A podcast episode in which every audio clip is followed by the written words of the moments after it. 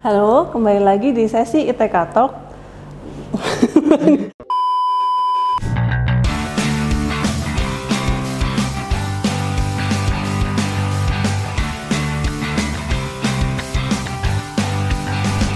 Halo, kembali lagi di sesi ITK Talk. Kali ini saya Nadia Almira Jordan dari program studi arsitektur akan menjawab pertanyaan yang sudah masuk di IG ITK. Banyak nggak yang masuk pertanyaannya? 6. Ya, ada enam pertanyaan yang masuk untuk prodi arsitektur. Mungkin langsung saya jawab aja ya. Yang pertama, ini adalah pertanyaan yang sangat banyak ditanyakan tidak hanya di IG tapi juga di tempat lain.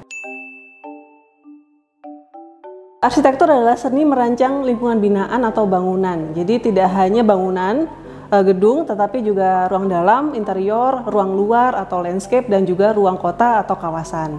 Nah, eh, yang dipelajari antara lain eh, seni merancang bentuk, kemudian menyusun program ruang, kemudian memahami karakter pengguna ruangannya, lalu menyusun rencana anggaran biaya, kemudian sampai ke teknik presentasi dan uh, komunikasi ala arsitektur. Jadi uh, prinsipnya arsitektur adalah perpaduan antara teknologi membangun, konstruksi struktur dan juga seni. Jadi tidak hanya tekniknya saja tapi juga ada seni uh, estetikanya. Kalau perbedaannya dengan teknik sipil mungkin lebih kalau ke teknik sipil adalah lingkupnya infrastruktur, kemudian konstruksi, kekuatan dan juga uh, bangunan air. Tapi kalau arsitektur uh, lingkupnya nanti akan ke desainnya saja, ke perancangannya saja. Jadi di arsitektur tuh ada tiga jenis uh, kelas. Yang pertama adalah studio, kemudian semi studio dan juga kelas teori. Nah, nanti mahasiswa di setiap semester akan mengikuti satu jenis studio dan beberapa mata kuliah pendukung studio yang seperti disebutkan tadi yaitu semi studio dan teori. Jadi uh, studio ini merupakan mata kuliah inti di mana mahasiswa arsitektur akan memiliki sebuah proyek uh, bangunan mulai dari bangunan sederhana seperti rumah tinggal sampai nanti berjenjang di setiap semesternya sampai ke bangunan yang kompleks seperti gedung bertingkat tinggi. Nah, nanti mata kuliah yang lain akan mendukung. Jadi akan mengikuti jenis proyeknya apa. Nanti uh, teman-teman akan sangat uh, bisa mengembangkan ide dan kreativitasnya dalam merancang itu di studio. Nah, yang perlu dipersiapkan oleh mahasiswa baru arsitektur yang utamanya adalah semangat dan niat. Jadi uh, intinya uh, pembelajaran arsitektur tuh perlu kesabaran dan semangat karena memang uh, cukup berat di setiap semesternya teman-teman harus menghasilkan sebuah rancangan bangunan sehingga uh, itu harus konsisten. Semangat dan niatnya harus konsisten. Tapi mungkin kalau sebagai informasi uh, alat tulis yang perlu disiapkan oleh mahasiswa baru mungkin agak berbeda dari alat tulis yang biasanya digunakan atau umumnya digunakan. Jadi uh, arsitektur nanti akan menggunakan pensil mulai dari yang ter tipis misalnya HB sampai yang tertebal yaitu 8B atau juga penggaris-penggaris lain nanti uh, tentu saja akan diinfokan oleh dosen di awal perkuliahan. Uh, jadi kalau mahasiswa arsitek nih hmm. harus punya basic skill nggak sih kayak misalnya ngegambar karena kan seperti yang dijelaskan tadi menggambar menggunakan berbagai macam alat tulis dan lain sebagainya. Ya, jadi sebenarnya kalau bisa gambar atau jago gambar itu modal sudah modal yang sangat bagus. Tetapi intinya adalah mahasiswa yang minat untuk masuk di arsitektur itu harus enjoy menggambar karena kegiatan dari mulai semester pertama sampai semester akhir mungkin akan menggambar, sangat banyak menggambar. Jadi saat teman-teman sudah enjoy meskipun tidak jago itu akan bisa menikmati uh, proses pembelajarannya.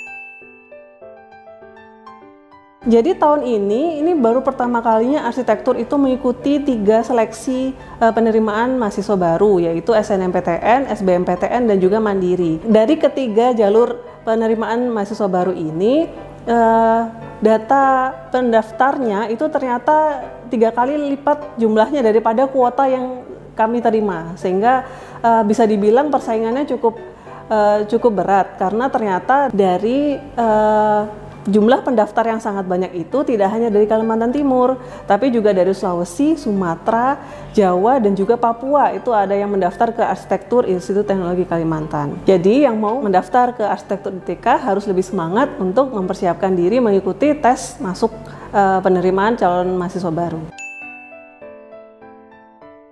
Jadi di Arsitektur ITK ini kami punya fokus uh, studi atau fokus kurikulumnya yaitu arsitektur ekologi.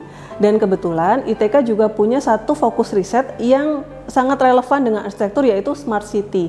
Sehingga nanti uh, pembelajaran itu akan banyak di lingkup arsitektur ekologi. Jadi nanti ada beberapa mata kuliah yang mempelajari tentang smart building, kemudian green building dan sebagainya yang uh, menurut kami sangat relevan dengan perkembangan zaman sekarang yaitu sustainable development.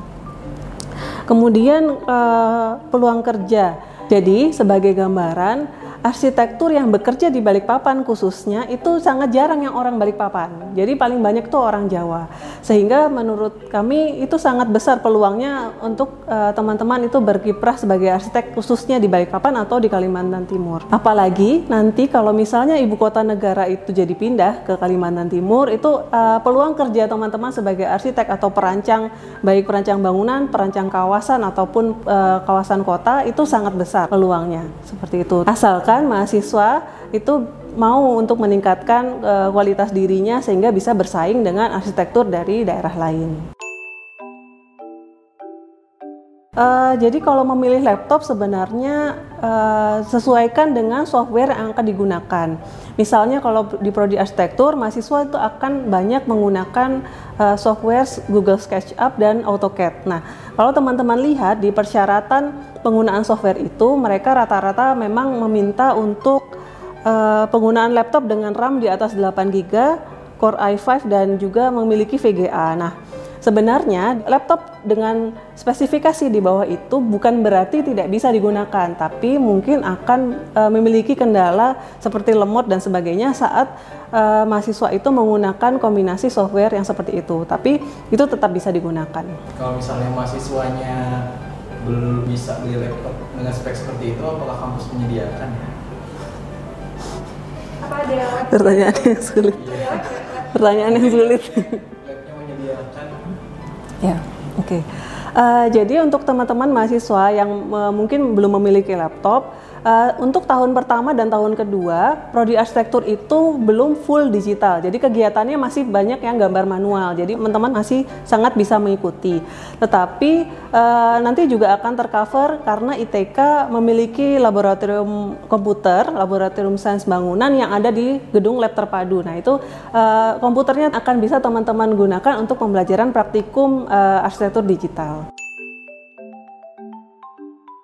Uh, jadi nanti kalau teman-teman tergabung di arsitektur ITK, teman-teman akan diajarkan oleh dosen-dosen lulusan luar negeri dan dalam negeri yang uh, sudah memiliki kompetensi-kompetensi yang sesuai dengan mata kuliah-mata kuliah yang akan diajarkan. Jadi sesuai dengan motonya Prodi Arsitektur ITK, Design Make Difference. Uh, yang artinya adalah segala sesuatu yang direncanakan atau dirancang itu akan uh, memiliki makna dan memiliki keberlanjutan yang lebih baik uh, daripada yang tidak. Terus apa lagi ya? Apalagi Mbak? Bisa juga desain maupun revisi. desain konsultasi revisi. Jadi buat teman-teman yang ingin mengetahui lebih banyak tentang prodi arsitektur ITK bisa kunjungi di Instagram architecture underscore ITK atau di website dan di YouTube channel Arsitektur ITK. Sekian ITK Talks kali ini, sampai jumpa di IT, sesi IT. Nah, Oke, okay, sekian. nggak bisa. Oke, okay, guys, sebentar. Oke, okay, sekian ITK Talks kali ini. Sampai jumpa di sesi ITK Talks berikutnya. Saya tunggu di Prodi Arsitektur ITK. Bye lagi. Saya tunggu di Prodi Arsitektur ITK. Bye. Oke.